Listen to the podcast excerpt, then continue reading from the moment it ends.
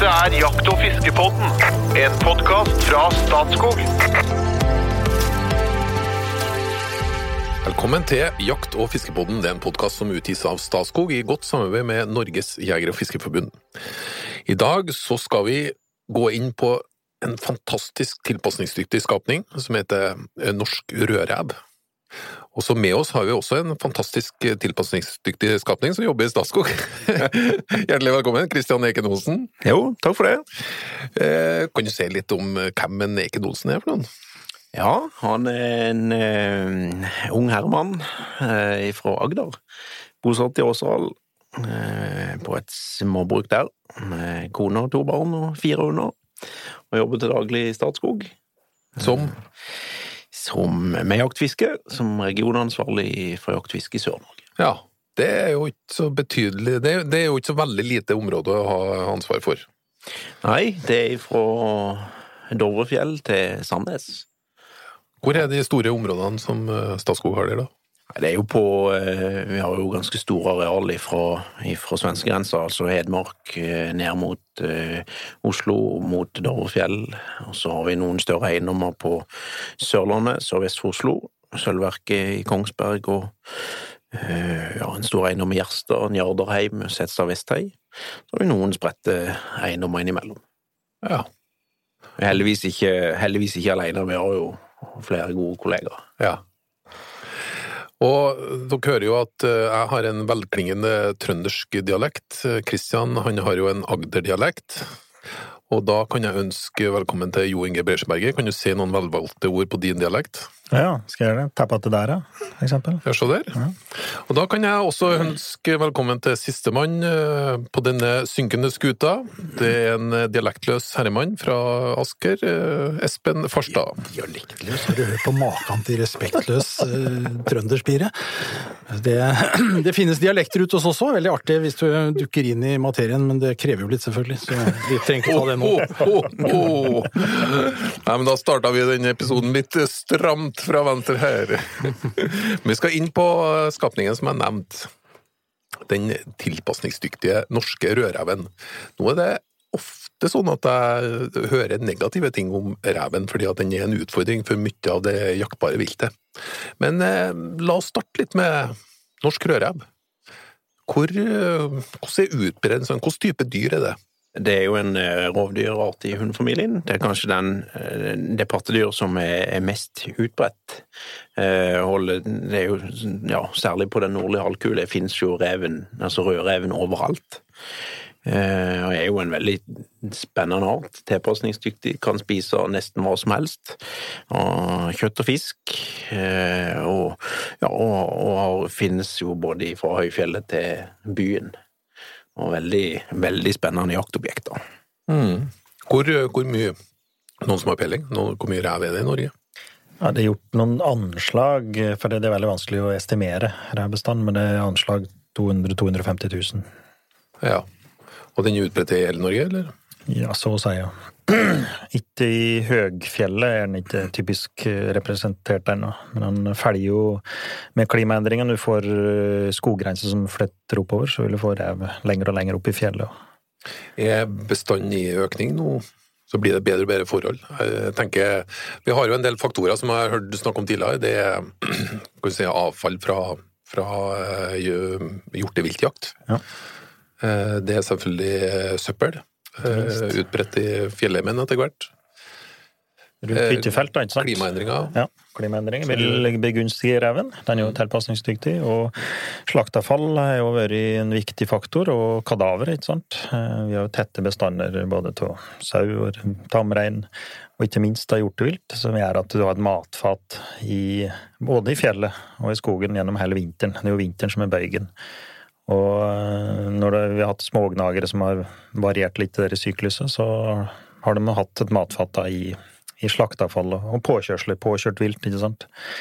At, eh, og med tilbakekomst av de store rovdyra, så det er jo tvegesverd for ham, men eh, da vil det òg slik sett ha bedre tilgangen gjennom vinteren. At han kan Han reker jo etter ulven, blant annet, og får seg godbiter der, da. Det er jo farlig for han, men han, de fleste vil nok overleve på det. I tillegg har du jo sånn som skogbruket blir dreven med flatehogst, og der det er oppslag av gras som skaper eh, musehabitat, som igjen som på en måte er med å å øke mattilgangen for, for rødreven. Ja. Så det er ingen tvil om at det er mer rødrev nå enn det har vært eh, tidligere. Kanskje vi er, kanskje vi er på topp, kan du si, da. Eh, historisk. Og mindre jakt enn det har vært tidligere. Det har vært etterstrebet ganske hardt. Så at vi, i hvert fall før reveskabben, før eh, midten på 70-tallet, så var jakta med og regulerte bestand av rev. Mens nå i dag så kan vi ikke si det. Så den store perioden for reveskabb var på 70-tallet? Fra 75 til, fem, ja, til slutten på 80-tallet. Hvis en ser litt på fellingsstatistikken òg, så, jo, så skytes det jo mer rev i dag enn det gjorde for 20 år siden. Og det, det kan jo være selvfølgelig en ser tidlig på 90-tallet, så ble det jo skutt 10 000 færre rev enn i år. Altså enn nå. Og det kan jo være litt med både tilbake, altså at det var færre rev etter skabben, og, men òg jeg syns jo de siste årene så har jo vært veldig mye fokus på nettopp dette med jakt på rødrev. Det har vært eh, jobba en del med å, å vise på en måte den spennende arten rødreven er og jakta på òg. Hva som er fiender til rødreven? Det ble jo nevnt så vidt ulv da, men eh, den er jo ikke så veldig utbredt i Norge. Gaupe og kongeørn er jo typiske okay. predatorer. Kanskje et hubro klarer å ta dem òg, men ellers så er det trafikk og drukning og mennesker, ikke minst. Ja, ja, og det skal vi inn på. Men eh, slik naturlig finner, det er jo, det er jo predatorer. Det er typisk hauk over hauk. Da. Altså, større rovdyr tar mindre rovdyr. Det er vanlig. Altså, mm. som fiend, eller som eh, konkurrenter. Men eh, det for en ulv å ta en rev er ikke enkelt. Jeg har sett jaktforsøk når ulv har prøvd å ta rev, og det, den er eh, kjapp. Veldig kjapp. Og kan jo gå inn i hi som ikke ulven klarer, eksempel. Han har veldig god kontroll på hia sin. Så i åpen skoglandskap og på lett føre så kan det være at ulven tar att den. Men uh, han har jo gode odds for å overleve. I tillegg er jo reven superskeptisk av natur. Han er jo virkelig nervøs. Altså, så han tar jo heller ingen Han tar jo ikke ofte unødvendige sjanser, da. da er de sjansene han tar, da er han som regel pressa. Men det er jo kjent av gaupe, da, som du sier, tar au rev. Ja. Men det er ikke noe like stort monn, men det er jo samme det òg. Altså, det er en brysom konkurrent. Mm. Nei, det finnes jo en annen type rev i Norge som er Ja Den har en, en trua utbredelse i Norge, i hvert fall. eh, Fjellreven. Kritisk, jeg. den. Den eh, står vel nå etter hvert i konkurranse med rødreven. Mm. Ja, det, det blir det samme, da. Da har du den store tar den mindre. Så det er å bekrefte, både med, med bilder og altså vitenskapelig, at den eh, rødreven fortrenger og ikke minst kan drepe fjellrev. Det lønner seg jo å være stor og tung når du er stor ofte når du er Størst først. Størst først. Og større enn reven er mennesket. Hvordan eh, foregår eh, jakt på rev? Det kan jo drives på flere vis, men, men kanskje den, den måten de fleste starter på først, er kanskje med åtejakt. Eh, Så er det jo hundejakt, altså jakt med drivende hund er jo en gammel måte å jakte rev på, og jeg har jo fått en veldig oppsving de siste årene. Gjerne da med en støver, altså en løs bedrevet halsende hund, Eh, og, og mest som harejakt, da. Eh, Gjerne i sammenheng med en, en kombinasjon med en hihund. Eh, Hvis reven går gi. hi. Eh, Så har du lokkejakt, som jeg er har fått et veldig fokus de siste årene. Det er jo kanskje den mest moderne måten å jakte rev på, om man kan si det sånn. Og er jo òg en lavterskeljaktform. Ja, for jeg har sett at man kan f.eks. for eksempel eh, lokke med en lyd som ligner på et skada, eller en, en rådyrkalv som lager lyd som, for å få mors oppmerksomhet. Eller en, Ja. et skadd dyr. Skadd fugl eller skadd hære. Eller, Ja. Og det er klart, det er jo, kan være effektivt, for du kan eh, lokke inn voksne rever på våren. Det kan være mer effektivt enn å skutte ungrever på åte før jul, eksempel. Like bestandsmessig, da. Og, men allikevel så er det åtejakt, som vi skal prate om her nå, som er det mm. som, tar, som vi skutter flest rever på. Espen Michael Farstad, eh, revejakt i S- -hmm.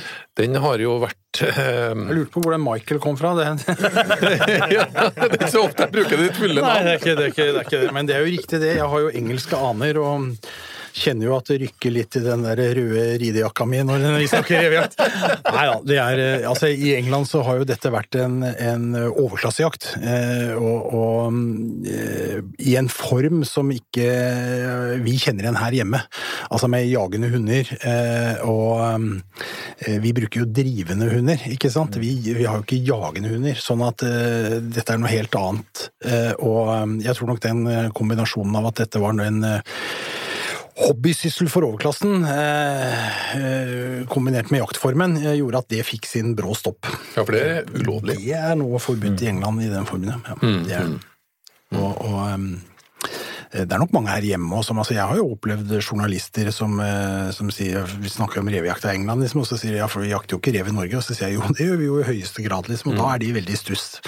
Så jeg tror det er lurt at vi snakker litt om revejakt i Norge. Ja, ja. Og det jeg tenkte vi skulle ekstra mye inn på i dag, det er jo revejakt i form av åtejakt. Kan ta oss sakte og forsiktig inn i, inn i det, det, den sysselen, Kristian? Ja, det kan jeg. jeg har, det er noe jeg har stelt med både eh, holdt jeg på å si, på fritida, og og som en del av det jeg jobber med før jeg begynte i Statskog. Så, så eh, jeg har hatt mine timer med både glede og frustrasjon i nattens mørke på ei galbu. bu. det- og det er jo ofte det som er synonym med med jakter jakte på åte, dette her med du sitter på ei utlagt åter åte og lokker mat, for å ta det veldig grunnleggende, og jeg sitter inni, gjerne inni ei bu da, eh, eller hytte og venter på at reven skal komme. Hva er åte? Hva åte er? Eh, nei, det er jo regulert litt. eh, der er det jo lovgivning som sier noe om hva som er tillatt brukt som åte. Nå kom der i, nå i oktober i fjor, altså i 2019, så kom det en presisering, eller en, eh, en etterlengta presisering av Mattilsynet hva som faktisk er tillatt. da. Og da er jo, det er jo ville dyr, altså type slakteavfall etter rev og rådyr, eh, som, som naturlig hører hjemme der som åta ligger. Det er tillatt å bruke som åte. Og ellers mat som er meint for, eh, for mennesker. da. Nå hopper du selvfølgelig over det, selvfølgelig, at det, det må være dødt. Det må være dødt, ja. Det er åpenbart. Ja, vi skulle dit. Ja. Jo, jo, men Ja, eh, mens da for eksempel eh, sjøldaua husdyr, eh, eller nødslakta husdyr som er vært kleine, som ikke er meint for menneskeføde, det er ikke tillatt. du kan kjøpe et par koteletter eh, på butikken og så slenge ut. Ja, det kan du gjøre. Ja. Trafikkskada vilt. Ja, det kan du Det Det skal være oppstått på stedet, så heter det. Så at det, det må være naturlig forekommende der. Ja, eh, eh, det, Så en okse fra Argentina går jo fint. Nei. Oppstått eller kjøpt. Ja. ellers er jo eksempel hundefôr er jo veldig Det er jo både Ja, ja, tillatt og veldig lettvint for de som jakter rev åte i nærheten av bebyggelse, så er jo hundefôr noe som ikke Det lukter ikke vondt, og det, det blir jo spist og for, fort og forsvinner fort. Det blir ikke noe på en måte noe Det er veldig få som reagerer på at det ligger noen hundeknotter i, i en jordkant, eksempel. Reven er mer eller mindre en alteter, ikke sant? Ja, Ja. absolutt. Eh, og det kan godt lukte litt Ja, eh, ja, ja, Magen tåler litt av hvert. ja. Jeg har, ikke noe, jeg har liksom ikke noe inntrykk av at reven er, at han er veldig nøye på det. Hva pleier du å bruke da, som måte? Nei, veldig ofte slakteavfall. Akkurat nå så er det restene etter høstens gleder. Eh, altså slakteavfall etter elg og rådyr. Ja, for du tar det med hjem eh, og bruker det, eller fryser du ned og tar det opp, eller? Ja, begge deler. Når de rådyrene som jeg skyter, eller som jeg og mine kompiser skyter i nærheten av vei, da tar jeg gjerne med meg vomma òg. Ja. Som alt inn mat. Og gjerne fryse ned, da, sånn at jeg kan spe på. Mm. Og så setter du ut åte en plass. Men en hvilken som helst plass, eller? Hvordan, hvordan, hvordan vet du hvor du skal begynne å jakte rev på åte? Nei, ofte så du må, Punkt én er jo at du må ha tillatelse til å ha grunneier til å jakte der du skal ha åter, og, du må ha lov til å legge ut åter. Det er liksom ålreit å være åpen på at her skal det være ei åter, og det, det blir på en måte litt arrangement og noe som Det blir noe der, Da spør du, da, da spør du en lokal bonde, for eksempel.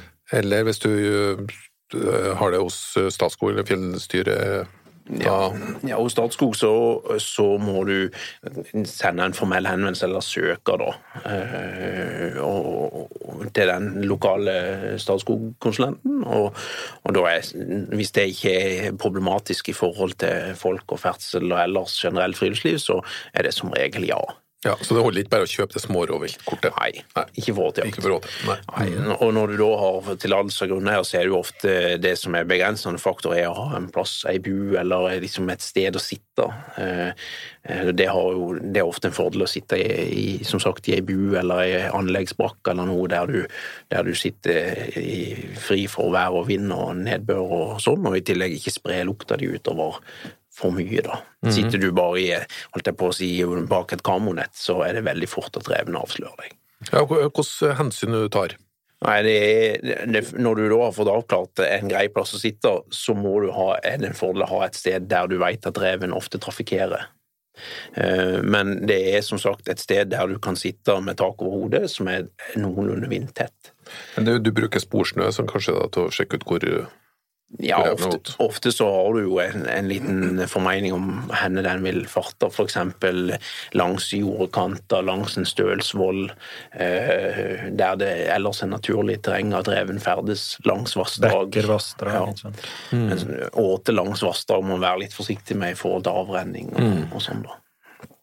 Når du da har, også, du da har, har en grei plass og har åta i tillegg et et tålelig vindtett og greit eh, bu å sitte i, så, så, er det jo noe med å ha åter på passelig avstand. Eh, du jakter jo stort sett i mørket. Eh, enten med snø, har du ikke snø, og ikke Det er jo òg tillatt å ha belyst reveåter. Mm -hmm. ja, så du har lov til å ha en lyskaster med Så reven reagerer ikke på det? Ja, det kan han gjøre. Ja. Men den klassiske måten er kanskje å jakte på snø med måneskinn. Altså at du bruker måneskinnet som lyskilde.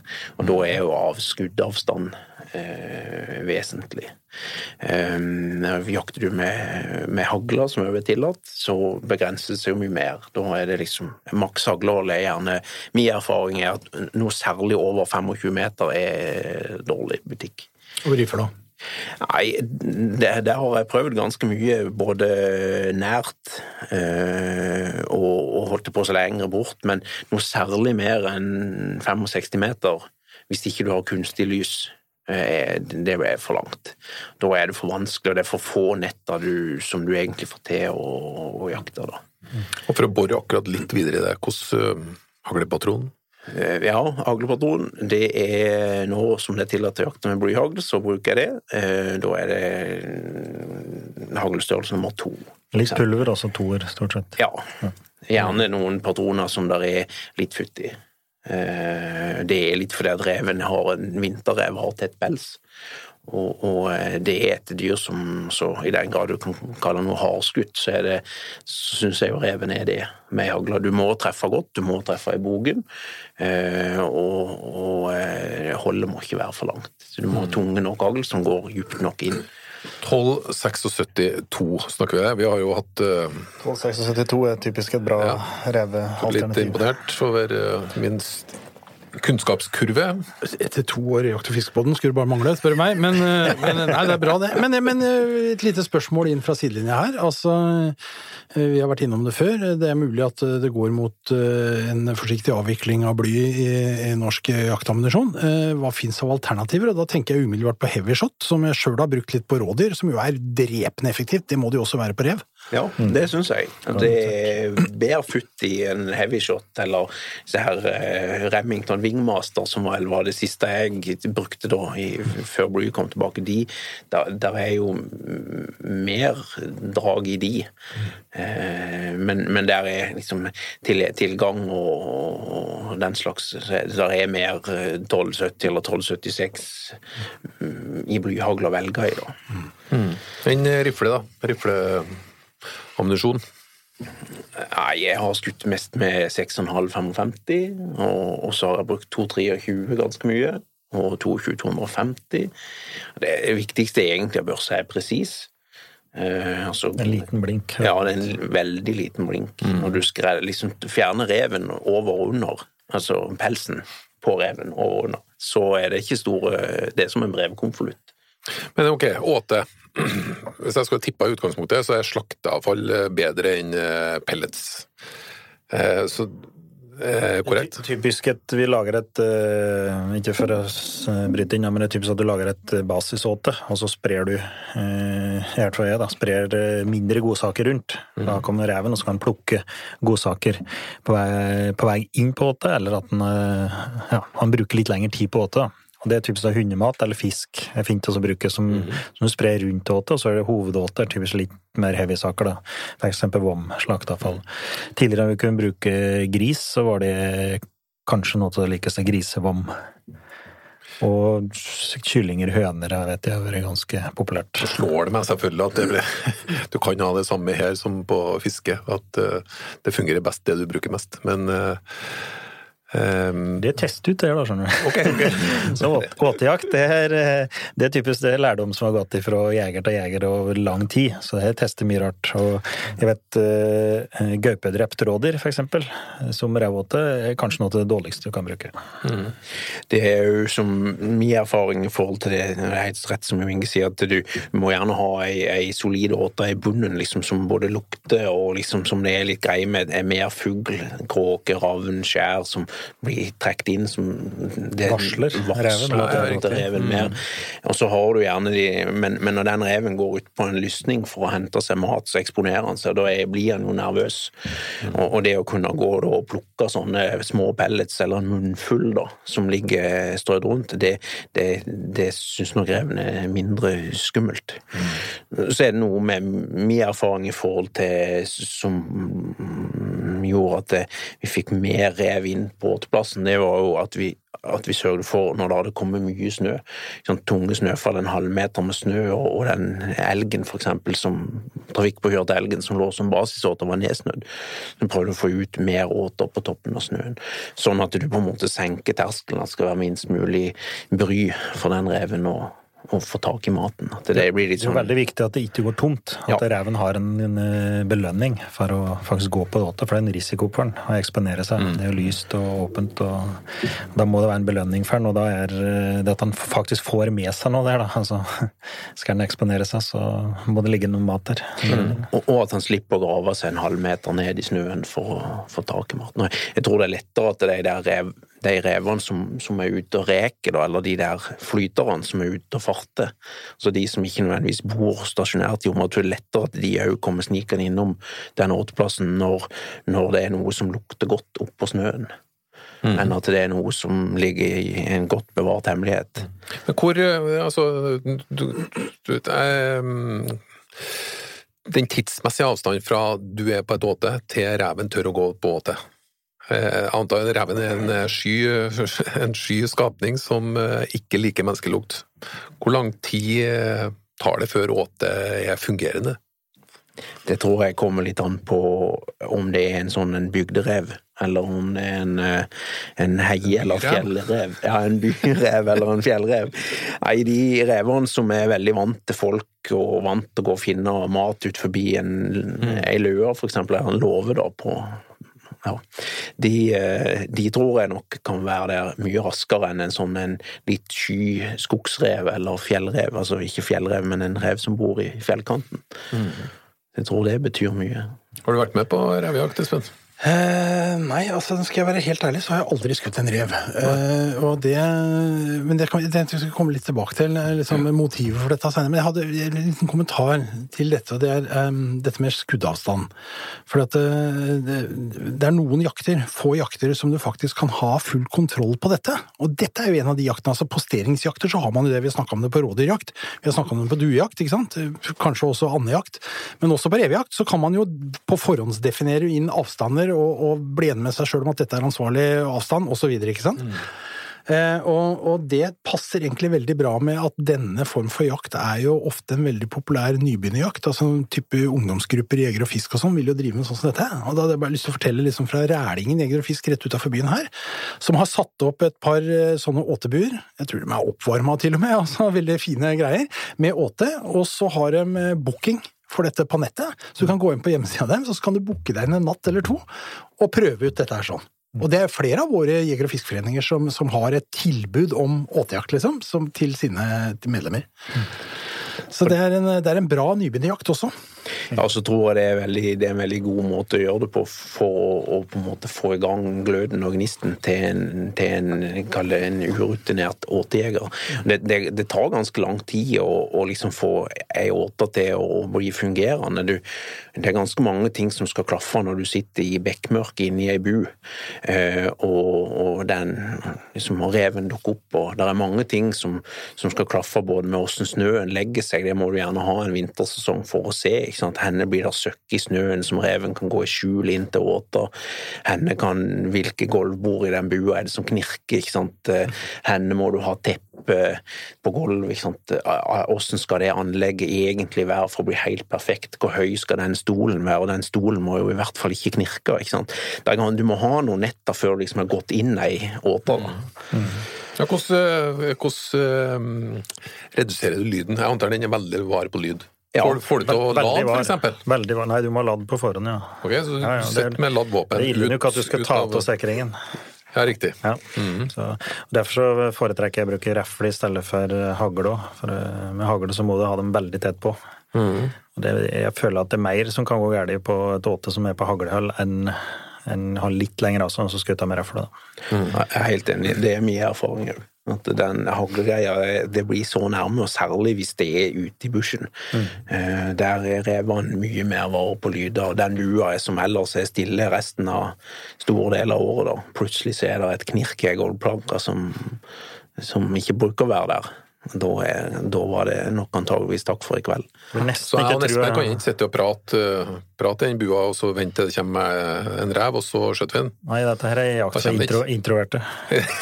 Ja. Jeg sitter alene i Merten, altså Og vi- typisk. Og vi drikker jo ikke kaffe, ikke sant? for da må du jo opp og mige. ikke sant? Så, og det lager lyd. ja. Så Derfor så drikker vi minst mulig kaffe. Ja.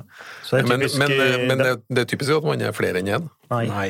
Typisk. Nei, okay. Dette er enmanns, som vi sier, dette er for introverte. Det er enmannsjakt. Og, og jeg foretrekker eh, Nå har jeg åtte ved huset mitt, da. så det er revn i det ene at det er nede i bygda, men det andre er at der er de vant til at det er lyder eh, mer eller mindre hele døgnet. Mens inn på heia, så, eller inn på skogen, så vil revnen være enda mer var på lyder og, og luft, ikke sant? Eh, og fjøs er fint å bruke. Fjøs eh, er at de lufter mye, og det andre er at det er lyd hele tida, hele, hele året. Så at de er vant til det. Hva er det i- dine Nei, det her har ikke jeg bedt om på forhånd, men eh, dine aller, aller Dine fem beste råd for å lykkes med åtejakt på rev? Ja, planlegg hvordan du skal, henne du skal ha åta. Og særlig det med Det som jeg har blitt mest overraska over, hvordan ser snøen ut på vinteren. Det er utrolig lite sånne søkk i snøen, et, et eh, vasstrekk i ei myr der snøen legger, det legger seg litt mindre snø enn ellers.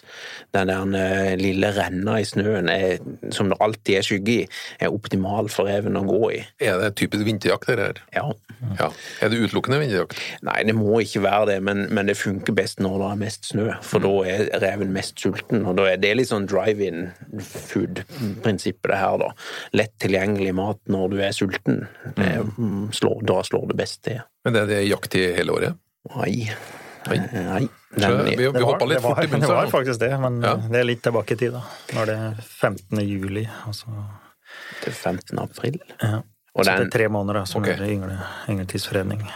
Så, og så er det å ha is i magen er òg veldig viktig. Det å skyte, bomskyte på en rev, eller i hvert fall skadeskyte en rev eh, i mørket. Det, det, for det første så Skadeskyte er jo ja, aldri bra, men, men, men det er klart å bomme på en rev òg Da har du vettskremt den reven mest sannsynlig, og det tar lang tid før den er tilbake igjen. Så sikre skudd av flere grunner, eh, og eh, nøye innskutt børser. Der holder det ikke at du klarer storviltprøven. Den, må, den fem centimeter pluss minus, det er heller ikke godt nok. Så, så den må være ordentlig innskutt. Og så er det kikkersikte som er Der er godt nok optikk. Eh, Hvis ikke du har opplyst åte. Ja, det bra med opplyst, er ikke bra med opplyst. Nei, det har jeg forska litt mer på. Før så jakta jeg utelukkende på måneskinn. Mm. men nå har jeg prøvd de siste sesongene har jeg prøvd med lys, eh, og kjøpte sånn et fancy grønt lys, for det er så bra. Eh, Se, sa han med et smil. ja, ja det, det funker ganske bra. Du kan jakte mange flere dager. Eh, altså Du er ikke avhengig av optimale værforhold med god sikt osv. Eh, men grønt lys syns jeg er veldig vanskelig å se. Det gir veldig rare kontraster. Og jeg syns det er utrolig vanskelig å, å liksom se den reven eh, sammenlignet med når du er vant til å se den i måneskinnet som en svart skygge. Det der grønne sløret syns jeg er veldig vanskelig. Men eh, det gjør at du kan jakte flere dager. Hvis, de, hvis du er, har det travelt, typisk småbarnspappa som ikke kan komme seg ut akkurat når som helst, da, hvis jeg da ikke kan jakte på de mest optimale dagene, så er det med belyst åte en styrke, da. Det- Jeg prøvde å lete meg litt fram i litteraturen og se om jeg fant noe på akkurat det, for det er et grønt lys der er, og det ser ikke ut til at ræva bryr seg. Og blir, de som selger det, sier jo at de ikke bryr seg, men eh, ved å teste så ser det jo ikke ut som ræva bryr seg. Mens med et hvitt lys, type et vanlig lys, når du har det på en vegg eller noe, det er min erfaring at de er veldig skeptiske hvis du har mye lys på en vegg. Og det ser du litt når det er naturlig måneskinn òg. Jeg synes ofte de der eh, romantiserte revejaktøktene i blekkstille kald vinternatt med full måneskinn, de syns jeg er vanskelig. altså Da er revene vanskelig for å liksom eksponere seg lite, og jeg virker skeptisk, altså. Generelt skeptisk. Ja. Ja. Når- Om vi husker på skygger òg, ta med det. For det, type jakter på månejus, så, så må du vite hvor månen, hvor månen står når det er liksom ideelt, og det er veldig fort at du får skygger. Stemmer det? Det, oppdage en rev sammen med månejus når jeg er i en skygge, det er ikke helt enkelt, altså. Nei. Du sa kikkertsikte. Kan du si litt om det? Eh, Ja, eh, det er jo litt forskjell på, eh, altså på optikk. Så er en kaller dyre kikkersikter billige kikkersikter. Dyre kikkersikter, typisk ja, europeiske kikkersikter, er jo kjent for å ha gode, skarpe, klare linser. Det er jo det som ofte er bøygen om natta, er å se den reven. Og da er det klart det å skille den reven ut ifra omgivelsene, se omrisset av reven, det er jo omrisset i praksis du skyter på. Å kunne da plassere retikkelet på riktig sted gjør at det krever litt mer av optikken. Og da er det jo gjerne dette med typisk gode linser og lysåpning på objektivet, da. Eh, Et stort objektiv, sånn type takrennenedløp, det slipper inn mer lys i, i kikkertsiktet, fanger opp mer lys. Som eh, gjør det lettere, og du ser bedre, da. Eh, eh, Men de, altså, de senere årene så er det jo opplyst retikkel, og det eh, Hva er det for noe? Det er der trådkorset, retikkelet, er bløder. Ok. Ja, så det er et batteri i kikkerten som gjør at det selve prikken eller krysset i midten eh, er rødt. Da. Veldig, og, og, og det gjør jo veldig stor forskjell på sikre skudd i dårlig lys, der det er vanskelig å skille retikkelet ut ifra en mørk kropp. Et svart retikkel mot en svart rev, eller annet vilt for den saks skyld, så, så, er det, så plasserer du skuddet mer nøyaktig med et oppløst retikkel. Er det tillatt med varme varmevisende, varmesøkende? Sånn termisk utstyr er jo ikke forbudt. Jeg har aldri prøvd det sjøl på jakt, så jeg skal ikke eh, si så mye om det, tror jeg. Men, men jeg har, du ser jo du, Det er veldig fascinerende å se inn i en termisk kikkert. Det er fort over i gråsoner, da. Ja, det diskuteres, det diskuteres litt rundt dette. Vi hadde jo en, en svært uheldig episode oppå på en søppelfylling i Troms, hvor nettopp under revejakt eh, en jeger skjøt en annen jeger som han trodde var, eh, var en rev. Eh, og da var det brukt noe termisk, tror jeg. Eh, litt, litt, det er begrepsbruken her, men et eller annet i, i, i den, den verden der. Og det er litt diskusjon rundt hva som er tillatt og hva som ikke er tillatt her. Det er litt definisjoner og på dette er ikke helt avklart, tror jeg. Nei. Nei. På villsvin blir jo det diskutert. og Der har det sin misjon, i hvert fall. Mens på rev så kan vi klare oss lenge med belysning og belyst retikkel. da. Vi har jo klart det lenge. Når, når på døgnet er det mest effektivt? Der? Han er jo nattaktiv. Ja, når på natta? Eh, nei, det jo Når går dere til bua? Det er gjort, det er jo gjort litt forskning på det her. da, Type bynære og bygdenære dyr de har litt kortere vindu der de er aktive, eh, nærme huset der, for det er trafikk. og De er, de er jo generelt veldig sky for oss mennesker. Det kan gjøre at det får litt trangere vindu der reven kommer på, Mens da du drar langt til fjells, det, så vil de kunne dukke opp mer eller mindre hele kvelden. Så Christian, for eksempel, han, han går ut tidligere på revåta enn det jeg gjør. Da går du typisk klokka Nei, det, jeg vil gjerne være på plass før det er mørkt. Eh, altså det vil si hvis de jakter ja. nå i januar, så ja, da må man være på plass fire-halv fem senest nå, da. Eh, og, og så blir det jo seinere og seinere utover på, på, på, på vinteren, da. Men, men det er én ting å være på plass før den første reven dukker opp, og så er det en annen ting med å En rev, særlig hvis snøforholdene er litt vanskelig, så kan revene ligge i dagleie ganske nær måteplassen. Og det å kunne komme seg så eh, fredelig og greit på plass i bua som mulig, syns jeg er på en måte en fordel. Og, og ofte hvis du har gjort det riktig, så, så trenger det ikke gå mer enn en, en halvtime, ikke sant? Så, er, så er det kanskje rev på gang. Men, Og da går du selvfølgelig da i ikke over åte og inn til bua. Nei, jeg er minst mulig ute med åteplassen. Mm. Det er ganske viktig. Ja. Eh, Og, eh, mens sånn som jeg, som Inge sier, jeg jakter stort sett bare til fjells, og da, og da, kan de, da kommer gjerne de første revene. Hvis jeg vet at det er ganske bra trafikk, ser det er jevnlig med spor og sånn, så, så er de første revene der så fort da det begynner å bli skumt og mørkt. Og jeg, jeg skyter gjerne, hver sesong så skyter jeg jo rever i dagslys. Tester reven åte først, og så går, går den et stykke inn og så går tilbake igjen, og så, eller går den, går den rett på åte?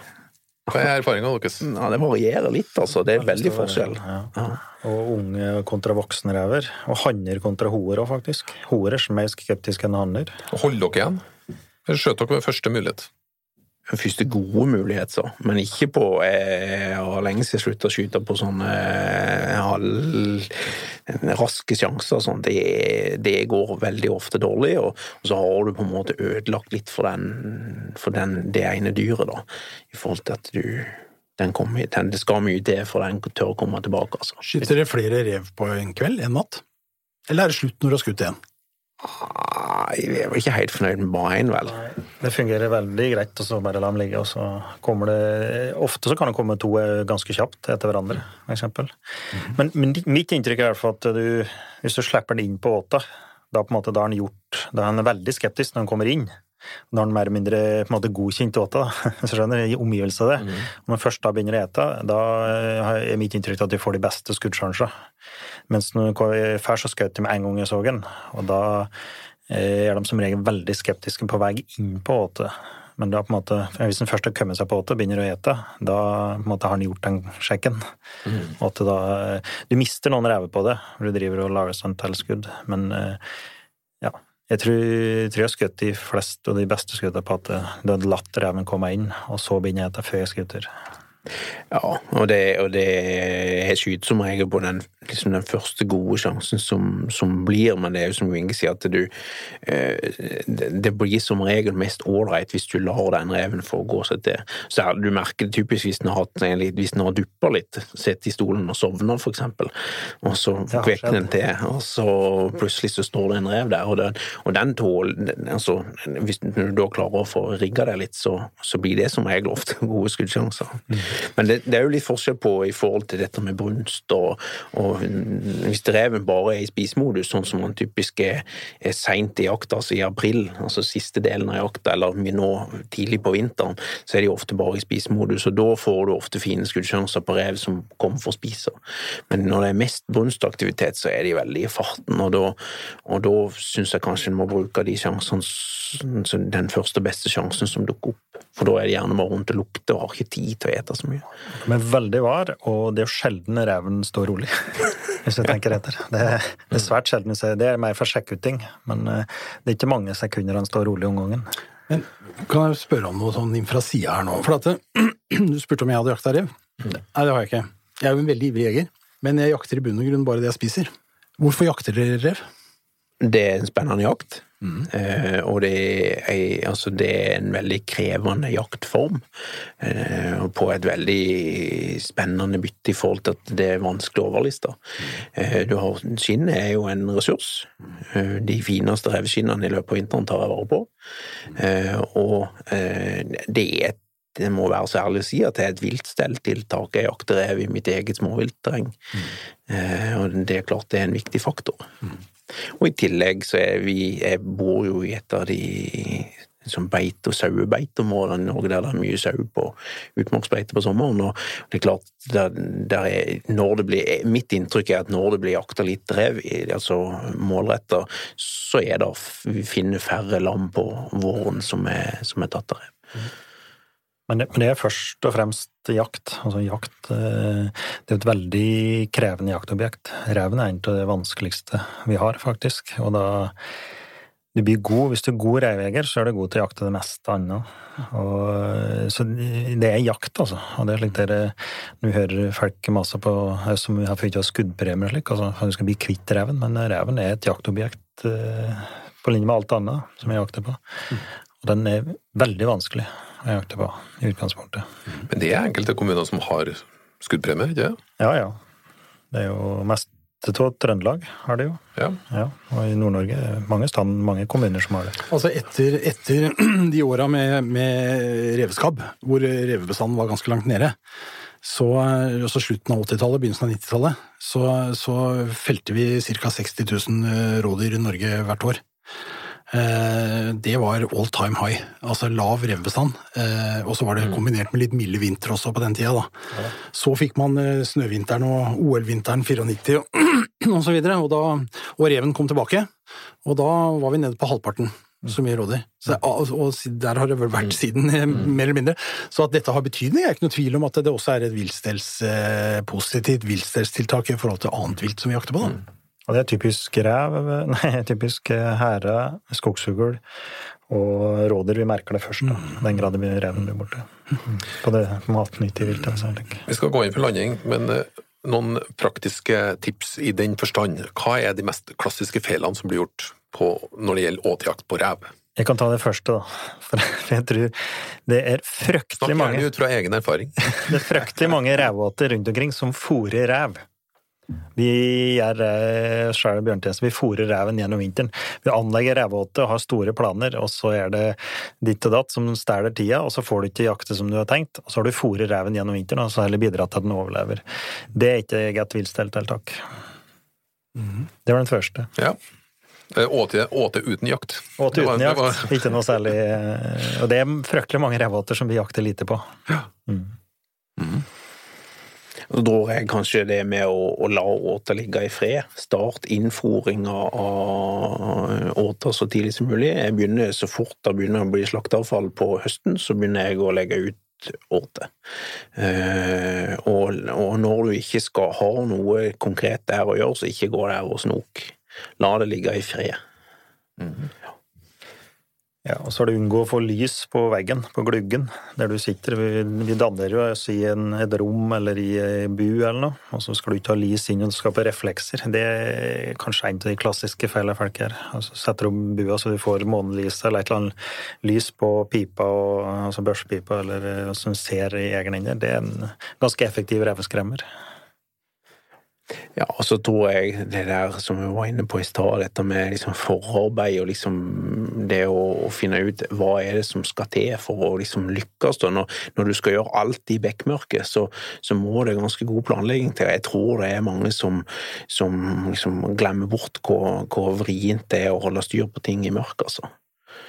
Og særlig, når du, særlig hvis det er. Eh, Uten å lage lyd, ja. Og så også er dette med Det blir litt repetisjon, men òg det å, å, å skyte kun på gode sjanser og være tålmodig. Og unngå at åtte går tomt et bra tips. Ja. Det skal ikke gå tomt. Det må være en belønning for evnen å komme ut der. Og ikke ha med altfor mye kaffe inn i bua. Ikke kaffe, det er bannlyst. Bare ta kjapt det med revvarsler, da. Bruker du revvarsler? Det finnes jo elektronisk type som en uh, tyverialarm i huset ditt, som registrerer bevegelse. Det er jo laga til eh, kommersielt, som du kan bruke for å varsle om rev på åte. Bruker du det, Kristian? Nei, jeg har prøvd så vidt eh, i en veldig tidlig fase. Da slo den aldri ut, den ble montert, eh, og så gikk jeg og la meg. Og det skjedde jo egentlig aldri noe. Og den viste seg at den var en sånn diode ute på åte som lyste rødt. Eh, Så det funka dårlig, da. Eh, Og mista litt troa på hele konseptet varsler, da. Eh, Men nå var det ja, ja, nå var dette mange år siden, og mye har skjedd siden den tid, men, men jeg, har, jeg gjør ikke det. altså. Jeg syns det er noe av det mest spennende jeg veit, det å se den reven komme, og de skyggene komme i natta. Og da Jeg får fortsatt den der eh, gåsehudfølelsen og, og blir virkelig må ta meg sammen for ikke å liksom få den der skjelven. Men de som ikke har prøvd det, som veit det er vanskelig det er, og så bare opplever de sekundene Det er ikke mange sekunder jeg har drevet på åte som jeg har skutt i. Men bare de sekundene når den kommer inn, og, og du på en måte har lykkes, da. Det, er, eh, det er ganske nærme nirvana. Ja, og det er så tøft når du jakter i fjellkanten, liksom, der du har litt sånn glissen skog og litt sånne åpninger. Du ser den mørke skyggen komme superfort opp på snøen, og liksom Nå skjer det! Det er så spennende. At det Nei, da sitter jeg heller oppe hele natta og venter på det. Jeg altså. skjønner i grunnen det, for at jeg har, eh, det er litt respektløst spørsmål kanskje, men eh, hvor mange timer sitter dere da i mørket helt alene i all stillhet ute i skogen? Inni den bua? Uten mobildekning eller Ja. nettdekning eller Facebook. Nei, det er jo en del, da. Nei, det er jo Men ja. Jeg har, jeg har, nå, jeg må innrømme at jeg har rævvarsler nå, og jeg har åte i tilknytning til garden min, så at jeg kan sæve og så bli vekt av den. Men som regel så blir du litt sein, for du skal opptur i søvnen, og så skal du finne bæsja, ikke sant, og så skal du dandere deg, så som regel så blir du litt sein, da.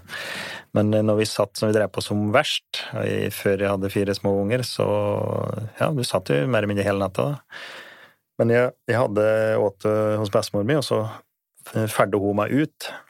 Altså Hun var og la på åte, for de var vant til at hun gikk der og la på ting på åte. Så ferdig hun meg ut, og så gikk hun og pratet for seg selv, og så gikk hun inn igjen. Så type en gåveker, som vi kaller det. Så, så jeg var med henne ut, så satte jeg meg på plass i bua, og så gikk hun tilbake, da. Så reven vant at hun var ute og gikk på tunet.